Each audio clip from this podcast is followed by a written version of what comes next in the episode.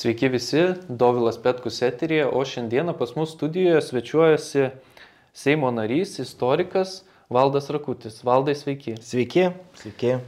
E, Valdai, nepaslaptis, kad šiandien pasikvietėm patį pakalbėti apie jūsų parašytą naujausią knygą, knygą prieš panyrant į sutemas.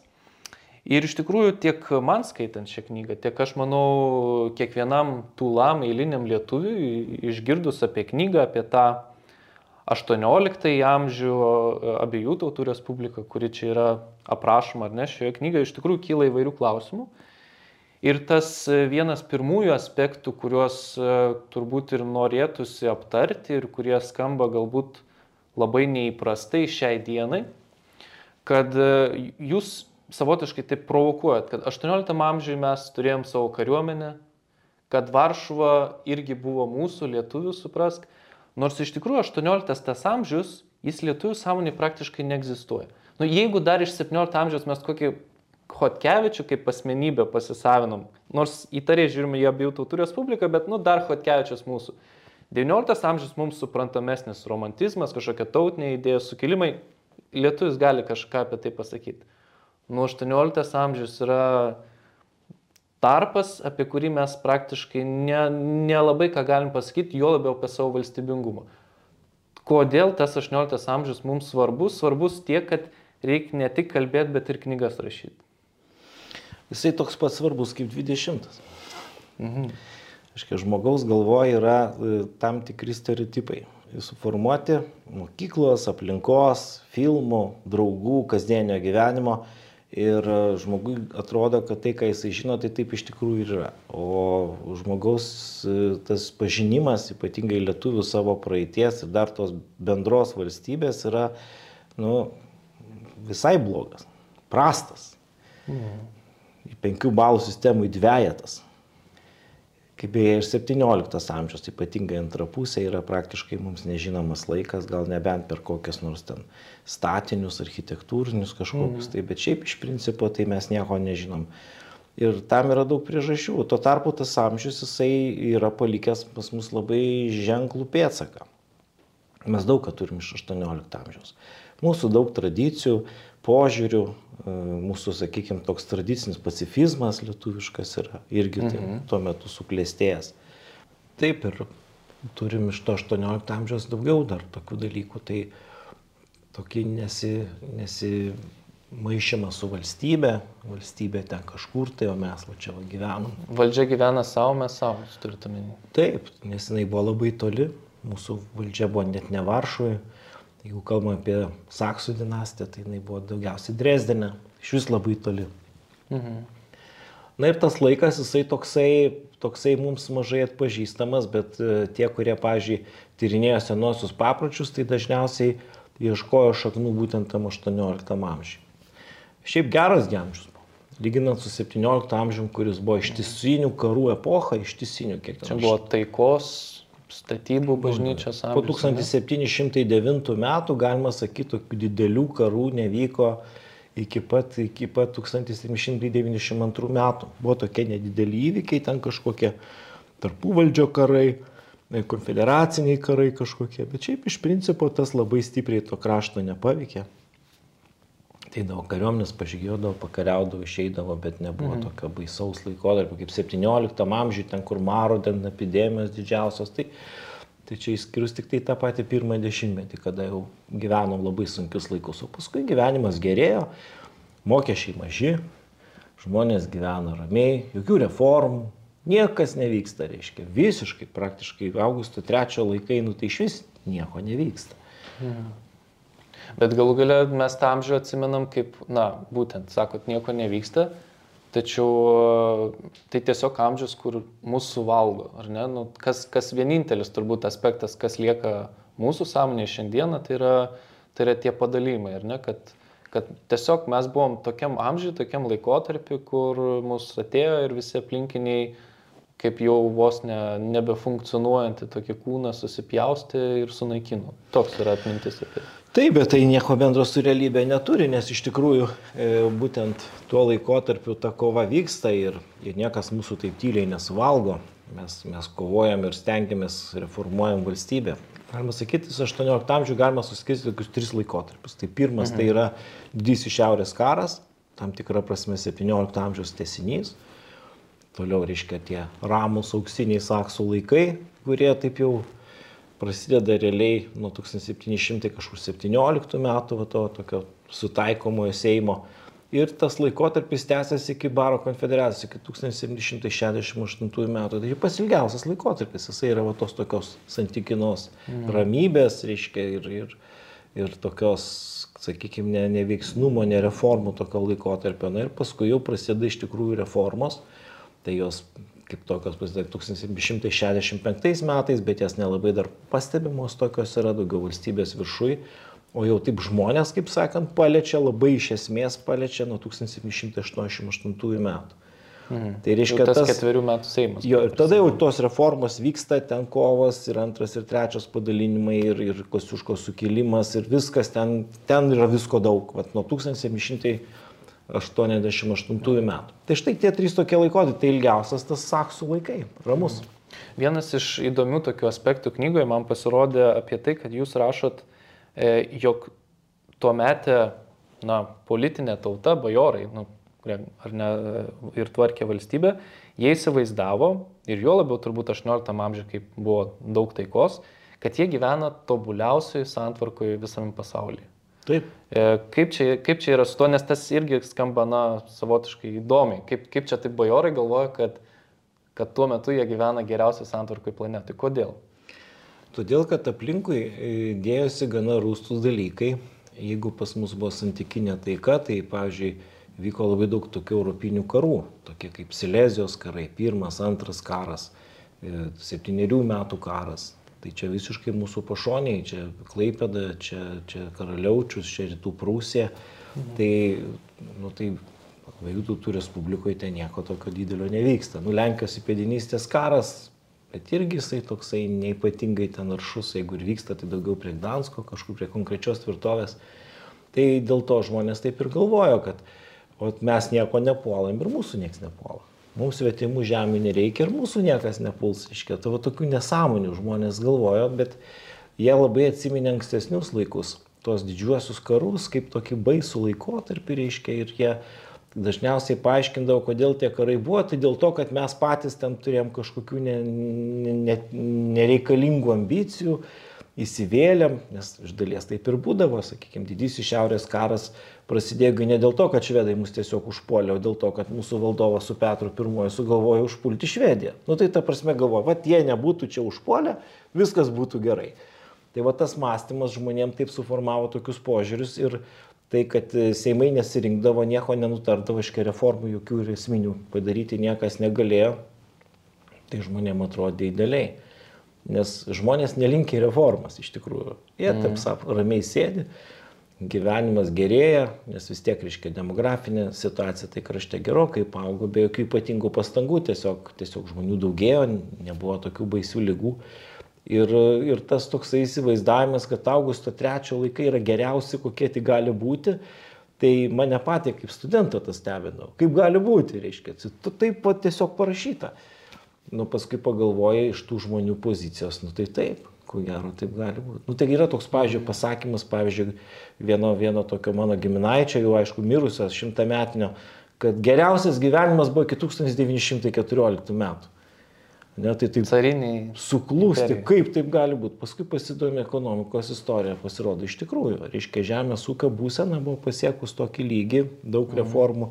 Šuolis, ar net turbūt įvyko ir kažkas. Užaugimas. Mhm. Netgi ne šuolis, bet toks palaipsnis augimas, kada viskas aišku, tvarkoju, fiksuotos kainos, pinigai auksiniai jokios ten nėra infliacijos, reiškia, neiškumo, viskas sudėliota. Tai va žmogui kartais gyvenime atrodo, kad tokia stabili būsena ir, ir tai, ko jisai siekia.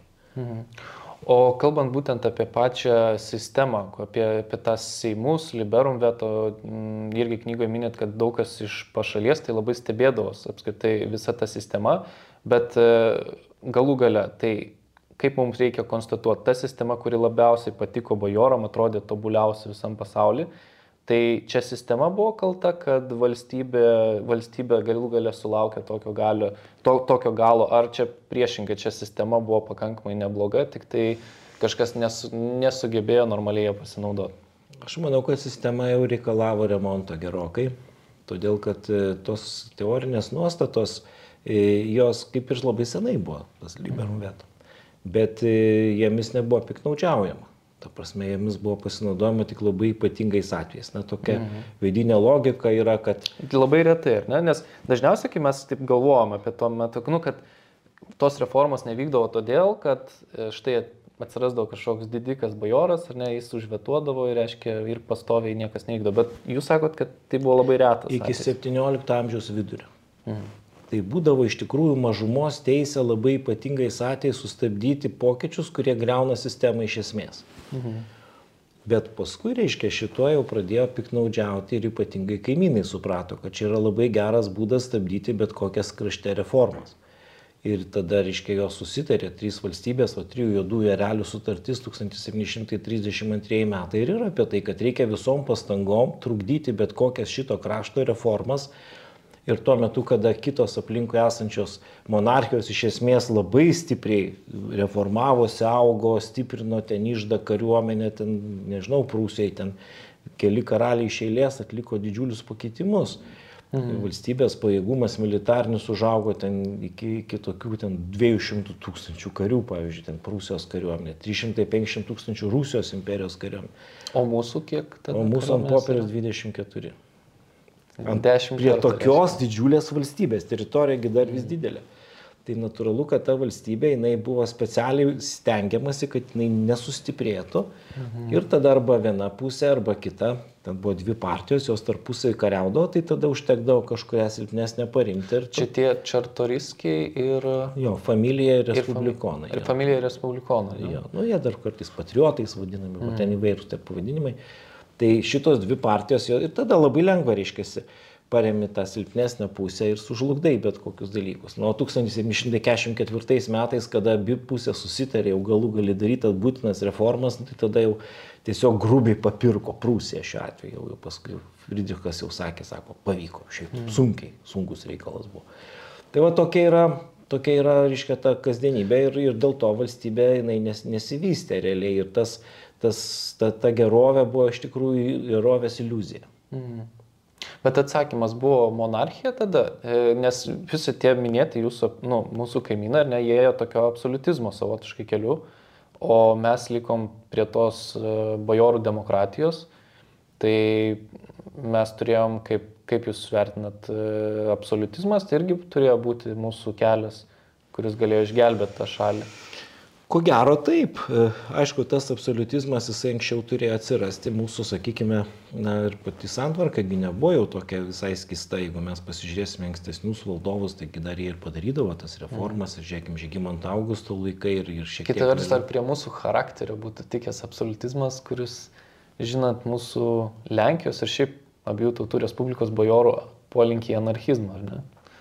Bet nebūtinai turi būti absoliutinė monarchija, gali būti monarchija luomenė ir jinai visai sėkmingai veiks, pavyzdžiui, Švedija, taigi realiai irgi nėra absoliutinė monarchija. Nu, kaip mes mhm. pažiūrėsim, niekasgi nepaleido parlamento, reiškia, egzistavo ten dar visokios, reiškia, atstovybės ir, ir vietinė kažkokia valdžia, tai nebuvo jau taip. Bet esmė yra kokia, kad, reiškia, valdovas jisai iš principo imasi priemonių stiprinti valstybę tai yra tiesiog jo darbas. Jeigu jisai tą gerai daro, tai, tai nereikia jam trukdyti. Reikia tik žiūrėti, kad reiškia tas valdovas nepanaudotų tuščiai tų, tos įgautos galios. Tai, sakykime, Švedijos santvarka, mano supratimu, puikiai, puikiai veikia 17 amžiuje, net ir pradžioje 18 amžiaus. O, o mūsų, reiškia, problema buvo ta, kad, kad mūsų valstybė, jinai, na, bijojo to valdovo. Tiesiog bijojo, tai trukdė iš principo. Tai pirmoji tokia nesėkmė, man atrodo, Vladislavo Vazos valdymas, kada ne, valdovas tikrai geras reformas darė, buvo protingas, išsilavinęs ir pamatautas, tos buvo jo reformos, bet jas tiesiog mūsų Seimas trukdė.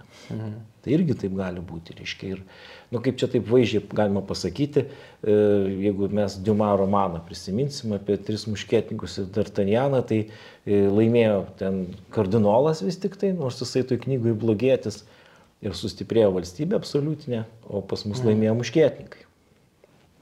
Tai žaviai atrodo, bet reformos realiai nevyksta ir, ir ilgainiui valstybė praranda savo galę. Mhm.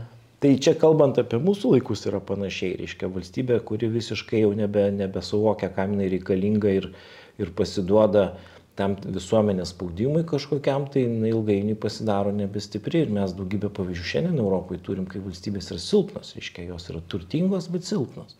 Mhm. Nes nėra jokio priešo, nu kaip mūsų vabajorai išnekėjo, tai tas pačiu šiandien vyksta. Mhm. Tai dabar, Mes būsim negresyvus, mūsų nieko, niekas nepuls. Na, ne? na, kokiai belgiai tam pašnekėkit su žmonėm, nu tai ką jums pasakys, nu tai sakys, kas čia per nesąmonė, kam čia ta kariuomenė, pinigus leisti, kam eiti tarnauti, taigi yra ten kažkas apgins, kažkokie ten imperatoriai ar NATO ar dar kas nors. Ir, tai va tas požiūris jisai yra niekiek nepasenęs, jisai būdingas šių, metų, šių laikų pasauliui lygiai taip pat kaip ir kokiam 18 amžiuje abiejų tautų respublikų. Iš tikrųjų, ES iš abiejų tautų respublikos gali daug pasimokyti, ką jie darė ne taip.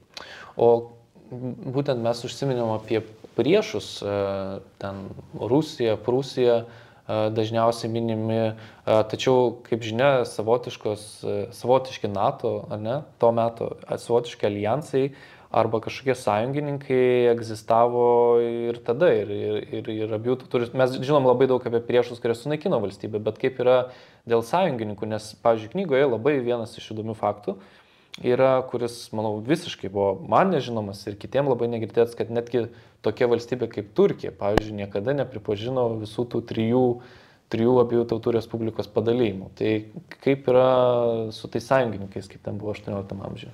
Nu, žinot, tai yra racionalumo amžius. Ir valstybė savo politiką formuodavo ne tik tai remiantis tam tikrom simpatijom, antipatijom, tam tikrais religiniais, sakykime, susėjimais kaip 17 amžiaus religiniuose karuose, kad buvo. Mm. Tai Turkija suprato, kad jeigu abiejų tautų respublika žūsta ir Rusija ją užvaldo, tada Turkijai bus blogai. Nes didelė... Tai čia beveik kaip dabar Ukrainoje. Tai visiškai. Tai žinokit, istorijai dažnai yra taip, kad, kad viskas tarsi grįžta į panašią būseną. Ne visiškai tokią pačią, kaip buvo, bet panašią.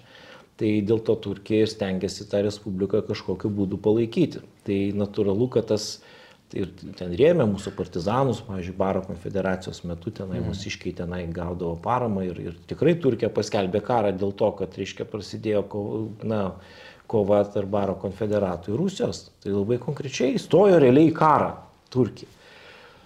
Tik tai tiek, kad Turkija irgi išgyveno tam tikrą nuosmukį ir jinai ne, nepajėgdavo tų rusų niekaip įveikti. Kai kuriais atvejais įveikdavo, bet tai daugiau tokiais taktiniais. O Rusija taip žingsnis kartu su Austrija, čia Rusijos ir Austrijos toks alijansas čia veikia labai neblogai. Ir aišku, Turkijai teko trauktis iš Balkanų didelės dalies, reiškia, ir, ir Jodosios jūros pakrantės prarado, nes Turkija kontroliavo praktiškai visą Juodąją jūrą savo laiku.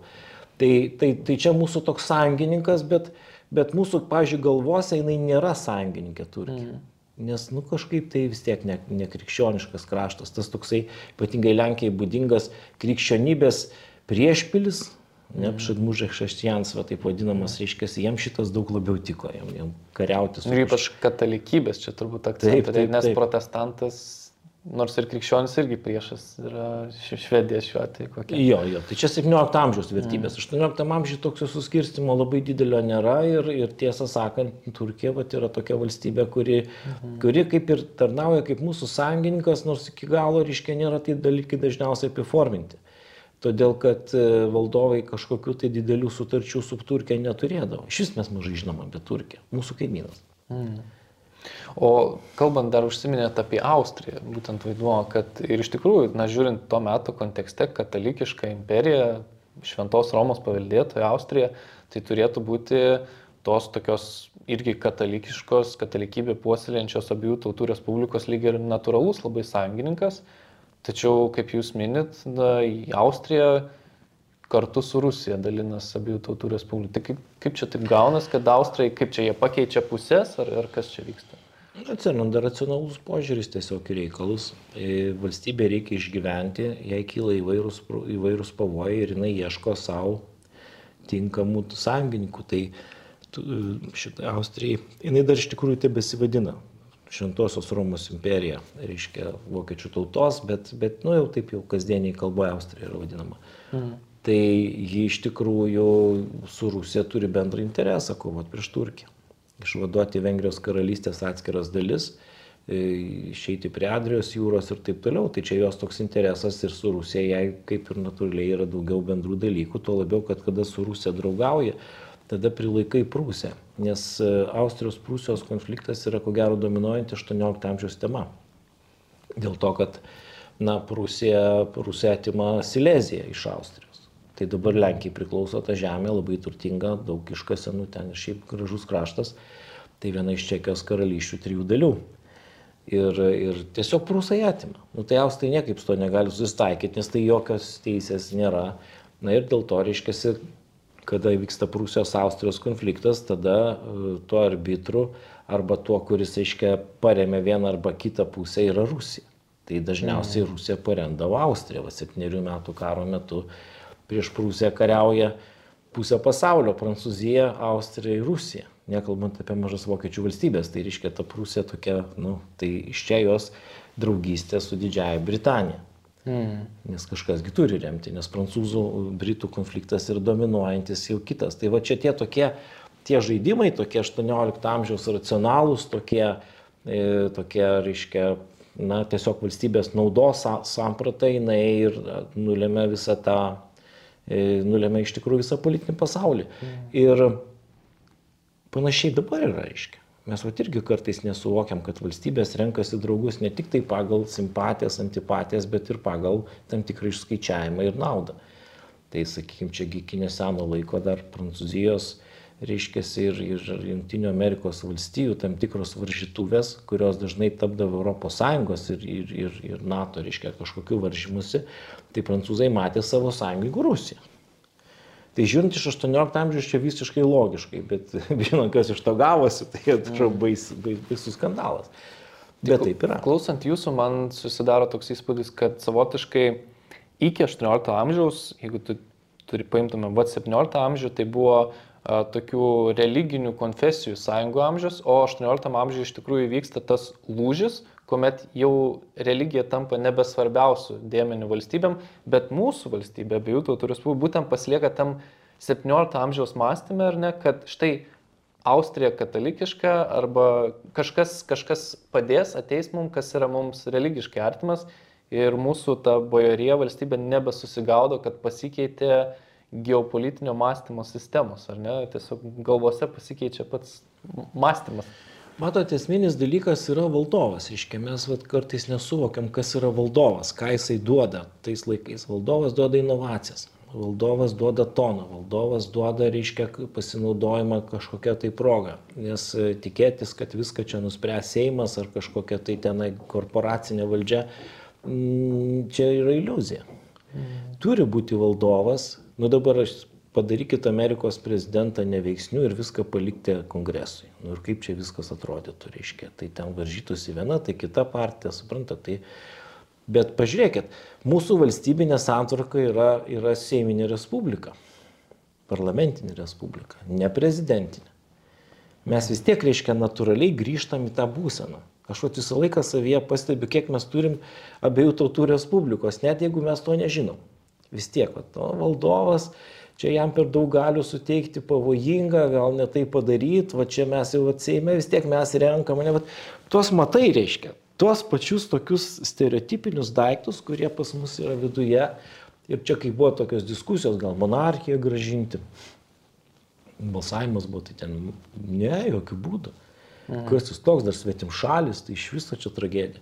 Tai va tas požiūris, toksai nepatiklus požiūris į valdovais Lenkijai labai būdingas, bet ir nemažiau, tai jisai priveda prie to, kad valdovo valdžia yra silpna ir valstybė reformų laikotarpiu atrodo prastai. Jis tiesiog vėluoja ir vėluoja visokiojopai. Bet yra visas įdomumas tame, kad absoliutizmas, kaip ir bet kokia mada arba bet koks mhm. istorinis laikotarpis, jisai tuo metu ėjo į pabaigą.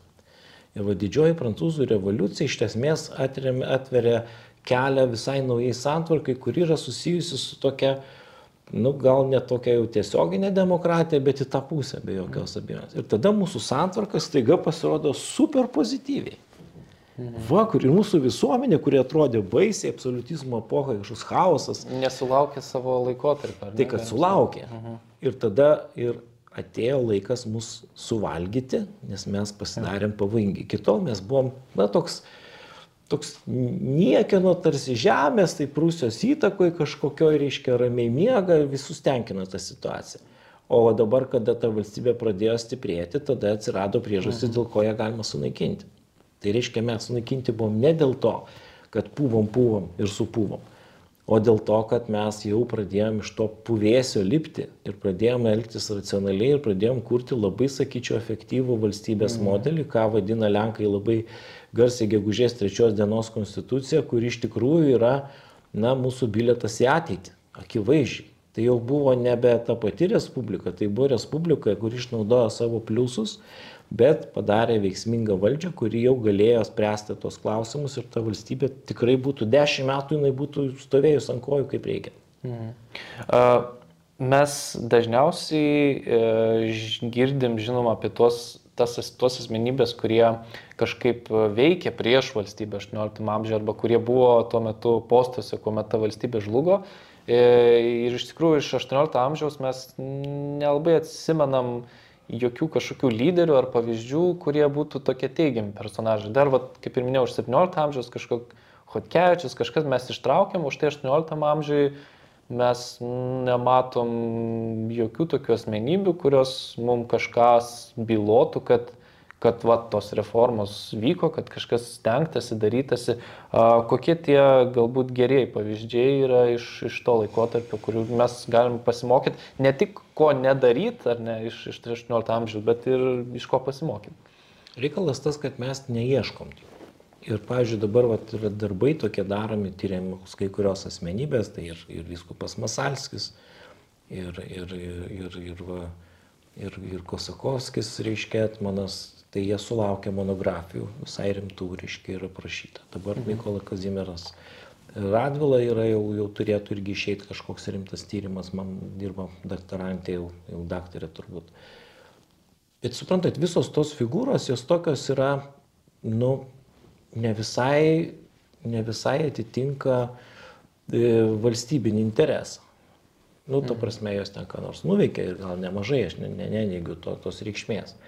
Bet tie žmonės, kurie iš tikrųjų kažką tai nuveikia, ar švietimo ten epochai, e, ar dar kažkur, jie taip nesulaukia tokio, tokio dėmesio. Nu, sakykime, ryškiausias e, žmogus, mano supratimu, tai yra Kazimieras Nestoras Sapiega, ketverių metų Seimo Lietuvos provincijos maršalas, nu, ne, ne provincijos, tai skambot negražiai, bet nu, tiesiog būdavo du, du tie maršalai, vienas nuo Karūnos, kitas nuo Lietuvos, tai jis buvo Lietuvos. Nu, tai ryški figūra. Tai žmogus, reiškia, tuo metu yra, yra visur, nu, kaip sakyt, paveikslai kabėjo ir šiaip žmogus jaunas, energingas, gerai išlavintas ir taip toliau. Tai mes apie jį nieko neturime, mes nežinom net, kas jisai toksai. Adomas Kazimieras Čertoriskis, e, visos Lenkų karo mokyklos jį pasikabinusios kaip, kaip savo kurie, reiškia, tai yra Lietuvos generolas. Nu, tikrai tų žodžių prasme lietuvis to meto samprata mhm. kurio herbe buvo Vytis, nes kilė iš Gedimino giminės, čia yra lietuvių kunigaikščių giminė. Nieko mes neturime. Iškia, tarsi nebūtų. Edukacinės komisijos gyveikėjas, žmogus daugybę dalykų padaręs, iškia, žmogus atsisakęs būti karalium dėl to, kad galėtų būti švietėjų. Nevojo figūra, mhm. rimta. Nėra, iškia, pas mus kažkaip tai anegdotų, reiškia, objektas mūsų Karolis Stanislavas Radvila, Paneko Hanku, taip jį vadino, ponė Melasis lietuviškai. Taigi ten Lietuvos bajorėliams buvo pirmą pradę žvaigždė, reiškia, ir taip toliau, mes apie beveik nieko nežinom. Nėra. Tai kadangi jų nėra, tai taip pilkaitas ir atrodo mūsų pasaulis. Valdovas Stanislavas Augustas Poniatovskis, ar bent vieną turi monografiją apie jį apie valdovą, kuris iš tikrųjų šito kraštų rūpinosi, daug darė, nu tegul ir ten su to rusišku šleifu, reiškia, ir su visokiais minusais ir taip toliau, nu bet tas žmogus daug darė, jisai fiziškai veikia. Augusto trečio nebuvo pas mus. Hmm. Tai vad mes, kada neturim šitų matomų pavyzdžių, tada ant tų mažų žinių arba jokių žinių galima rašyti bet ką. Ir mes net neatskirsim mums atrodys, kad nieko ten ir labai nebuvo. Nes realiai reiškia, kas tie, ir nes netgi, netgi sakyčiau, kai kuriais atvejais ir istorikai nelabai suvokia tos dalykus. Kad, pavyzdžiui, ta, ta Rusijos globa jau buvo mirties nuosprendis kad, kad ta valstybė nebuvo laisva, kad jau reiškia ją derino, viską reikėjo derinti su Rusijos ambasadoriumi. Mes jau buvom patekę tam tikrą faktinę priklausomybę, neįforminta iki galo, bet jau paskui ir forminama per garantijų ten įstatymą. Tai galva tas suvokimas, kad mūsų žmonės nežino bazinių dalykų apie 18 amžių ir paskatino šitą knygą parašyti. Mhm. O valdai, jūs dar e, knygoje piktinatės kai kuriais dalykais, e, kaip užsiminat apie, žodžiu, sausainius, kurie jums nepatinka, knygas, kurias rašo apie imperatorienės Rusijos ir, ir vadovėlius. Tai kaip, kaip yra su jais, kodėl jums kliūva, kliūva tie, tie tokie dalykai kasdieniai Lietuvoje, apie kuriuos turbūt lietuviai nu, nieko blogo negalvoja, bet jūs sakot, ne, čia ne visai gerai su jais dalykas. Kas, kas negerai ten su jais? Todėl, kad mes perimam rusišką naratyvą. Aiškiai, mhm. vienaip ar kitaip. Nu, pažiūrėjau, yra toksai visi čia labai ir keli žmonės man net pasakė, tu žinai, pasirodo, Petro pirmo žmona yra, nu, ten lietuvė ir iš Lietuvos. Mhm. Čia nu, Kotrina pirmoji, ar ne? Nu, aš sakau, nu ir kas? O ką tai reiškia? Nu, tai vis tiek lietuvė čia va daug pasiekė. Tai palauk, sakau, tai vienas dalykas, tas jos lietuviškumas dar ten iki galo neaiškus, nes ten kuršo Lietuvos pasienis, nu, ta prasme, ten gal gimusi Lietuvoje bet tai nėra labai ryški figūra ir, ir, ir akivaizdžiai jos indėlis mūsų krašto istorijai yra nu, minimalus, joks galima sakyti. Tai, tai mes turėtume kalbėti apie kitus visiškai asmenis. Dabar vat, knygą pardavinėja, reiškia, ten, nežinau, Jekaterina didžioji. Nu tai ką reiškia didžioji? Tai čia pačios Rusijos sukurtas, reiškia, toksai imperatyvas, kad privalo visuose raštuose ją vadinti didžiąją najjasnejšą imperatorovą, šviesiausią imperatorę. Čia tas priklausomybės įtvirtinimas realiai vyksta per šitą titulatūrą, nes jinai save pristatydavo kaip šito krašto globėja. Mhm.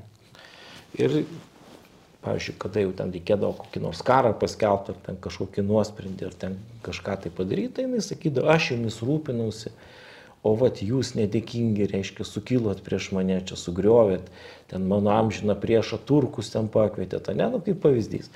Ir, ir, ir mes valgom šitą reikalą, mes savo ramiai.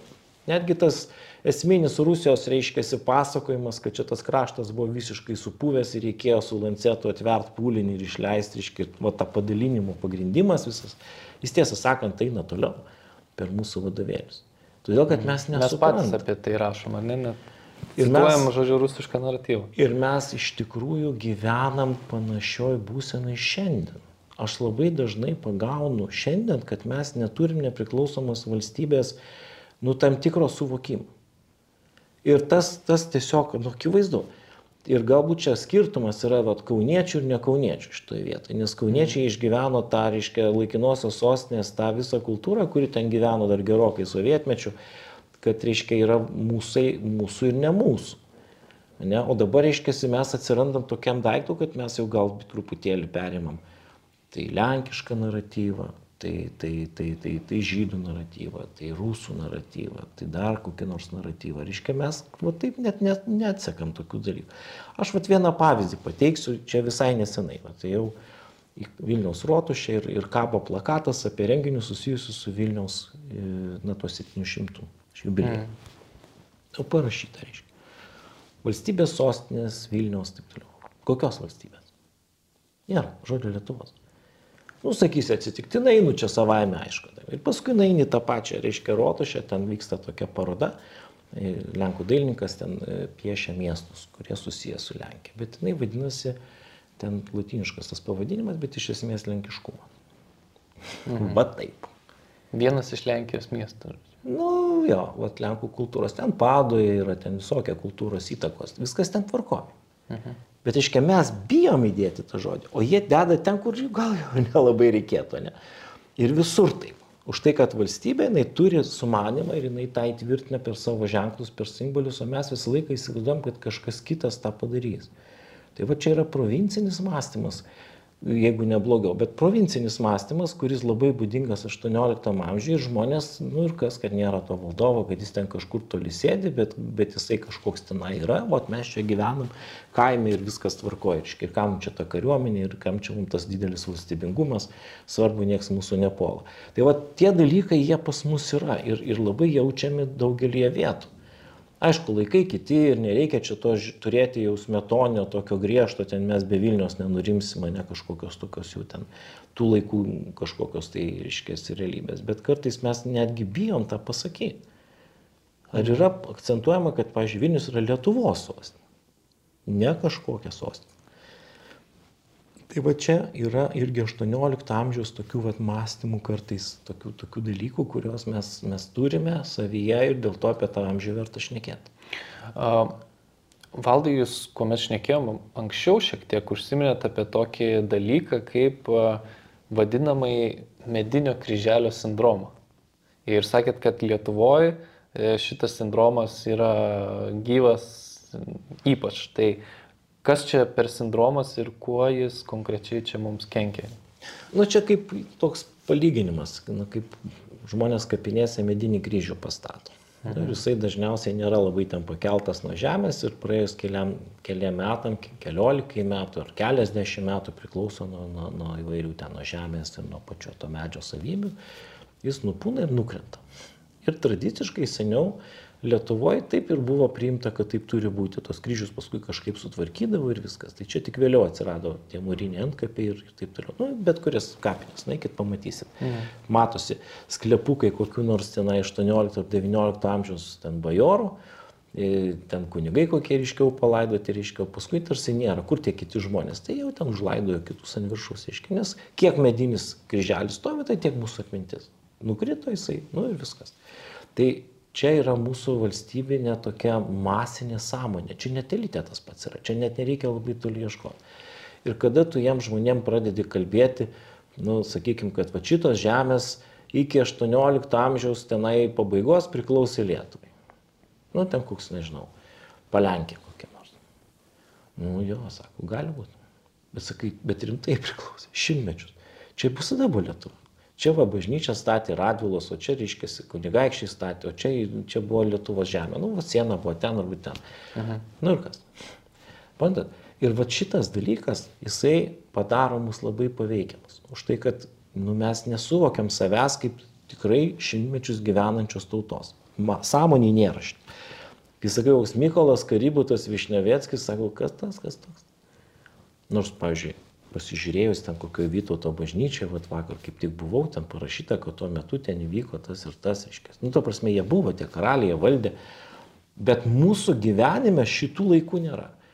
Vat štai su dviračiais važiavam per, per Švediją dabar, vat, šią vasarą, su, su, su, su klubu, LK keliautojų klubu. Nu, tai užėjai į tą bažnyčią, tai visi 17 amžiaus karaliai arba bent keli pagrindiniai ten kažkokią formą kabo tenai. Paveikslas koks nors, ar ten cifra uždėta, monogramą.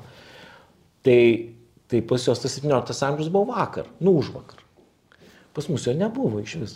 Ir aš kai bandžiau keliautojams pasakoti, o kas tuo metu vyko pas mus, jie taip, kokia Turkija, prie ko čia Turkija, taigi čia Turkija kažkur tenai. O kad tai mūsų kaimynas tuo metu buvo, reiškia. Tai žmonėm labai sunku suprasti ir dėl to, kad turim tą medinį, mums reikia suprasti savo praeitį gerokai giliau. Ir čia problema kokia yra, tai kad vis tik tai didelė dalis gyventojų neturi savo giminės tolimos istorijos, šaknų.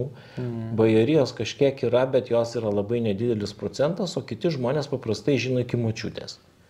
O jau ten toliau, nu tai ten kažkas buvo turbūt, bet tai nelabai įdomu. O kada tu nejauti savo istorijos, savo šaknų, tai tu nežinai ir valstybė tau neįdomu, nes tai viskas buvo čia labai senai ir nesvarbu. Kažkokie mm. tamsus amžiai ir, ir viskas. Nu, toks Vytautas ten matosi, nes jau taip jau istoriškai suformuota, bet, bet šiaip bendrai paėmus, tai va yra toks, toks labai silpnas mūsų silpnos šakos. Mhm. Ir tos močiutės turbūt kartais net iš tokio sovietmečio paveldėjusios tą baimę, baimę tiesiog papasakoti savo šeimos istoriją, nes geriau nežinoti yra geriau nesigilinti, kad po to tau nebūtų kokių problemų. Tas toks turbūt gyvas savotiškai iki šiol Nu, čia kažkas yra, reiškia, čia toks, toks tokio mažo žmogaus, reiškia, pasaulis, jisai vis tiek prasimuša į viršų ir, ir sakykime, jisai yra pakankamai naujas reiškinys. Nes jeigu mes paskaitytume, pažiūrėjau, kokios, kad ir prieš 60 metų, ten kokio nors žmonių, tai ten dar būdavo tie gyventojai mažiau išsikėlę, mažesnis tas jų judrumas, ten gyveno, čia mano ten, o čia va buvo dvaras, ten kas nors žino tokius dalykus. O dabar, kadangi, reiškia, žmonės jau pradėjo daugiau keliauti, daug žmonių yra tiesiog atsikėlę iš kažkur, tai, tai jie neturi šaknų ir jiem tada nesvarbu. Nu, čia grafo Tiškevičiaus kelionė, pažiūrėjau, nerimi 19 amžiaus vidury yra labai įdomiai aprašyta, kad, reiškia, prie Vilniaus, tai čia tie gyventojai tokie besikilnojantis, neturi gilių šaknų, dažniausiai bando kopijuoti kokią Varšuvą ir, nu, ir taip pat maždaug visi gyvena. Mhm. O jau ten nuo, nuo Kernavės, nuo Gabijolų, kaip prašo, va, jau čia lietuvių kaimai, tai jie ten žino, kažką, tai ten pasakas, legendos, kažko. Ta prasme, žmonės susiję su tuo kraštu turinti šaknis, savotiškas, bet šaknis. Tai va, tai mes dabar turim tokį laiką, kai turim tą medinio kryželio sindromą ir jį galima e, iš tikrųjų gydyti darbu. Tai yra, na, žmonės tiesiog supažindinant per, per filmus, per pasakojimus, per laidas. Ir kuo aš labai džiaugiuosi, kad šiandienį Lietuvoje yra gana didelis dėmesys žmonių švietimui istoriniam. Tikrai yra ir puikių laidų, kurios, kurios tą daro, bent keli žurnalistai dirba, tai aš įsivaizduoju, kad kažkuria tai dalį visuomenės vis tiek paveikia tos laidos ir jau tokio supratimo šiek tiek įgauna. Bet, bet dar labai trūksta jo. Nu, sakykime, ar kas važiuoja į Varšuvą pažiūrėti lietuviškų ten rūmų ir dvarų ir rezidencijų. Nu, mhm. Nu taip, gal reiktų tą dalyką daryti kas važiuoja į tą pačią Saksonę pasižiūrėti, kur yra Augusto 2, Augusto 3, nu jie ten kitais vardais vadinami, jų ten rezidencijų, kurie ten gyveno. Vyko mums svarbus įvykiai.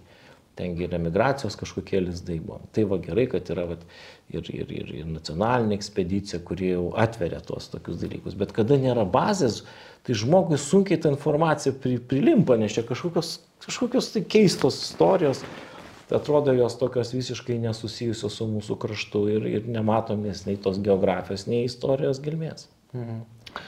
Valdai, e, galiausiai pabaigai klausimas būtų apie, apie tai, kaip, kaip iš tikrųjų, ko reikia, kad tokią knygą parašytumėm. Nes a, susidaro dažnai įspūdis, kad vienas dalykas tai yra pati ta informacija, kurios mes galbūt nežinom, bet kitas dalykas, kaip mes ją pateikiam žmonėm. Nes labai dažnai žmonės e, nuėję į tai kažkokį pristatymą, bandantis lyg ir sužinot kažką apie istoriją, dažnai susiduria su tokiu gana nuobodžiu pasakojimu ir jie tada galutinai nusivilia ir ten sako, ai, čia man ir neįdomu ta istorija, aš ir nesidomėsiu ją. E, bet jūs iš tikrųjų išleidote knygą, kurioje kur šitos knygos intencija akivaizdžiai sudominti pačią istoriją žmogų.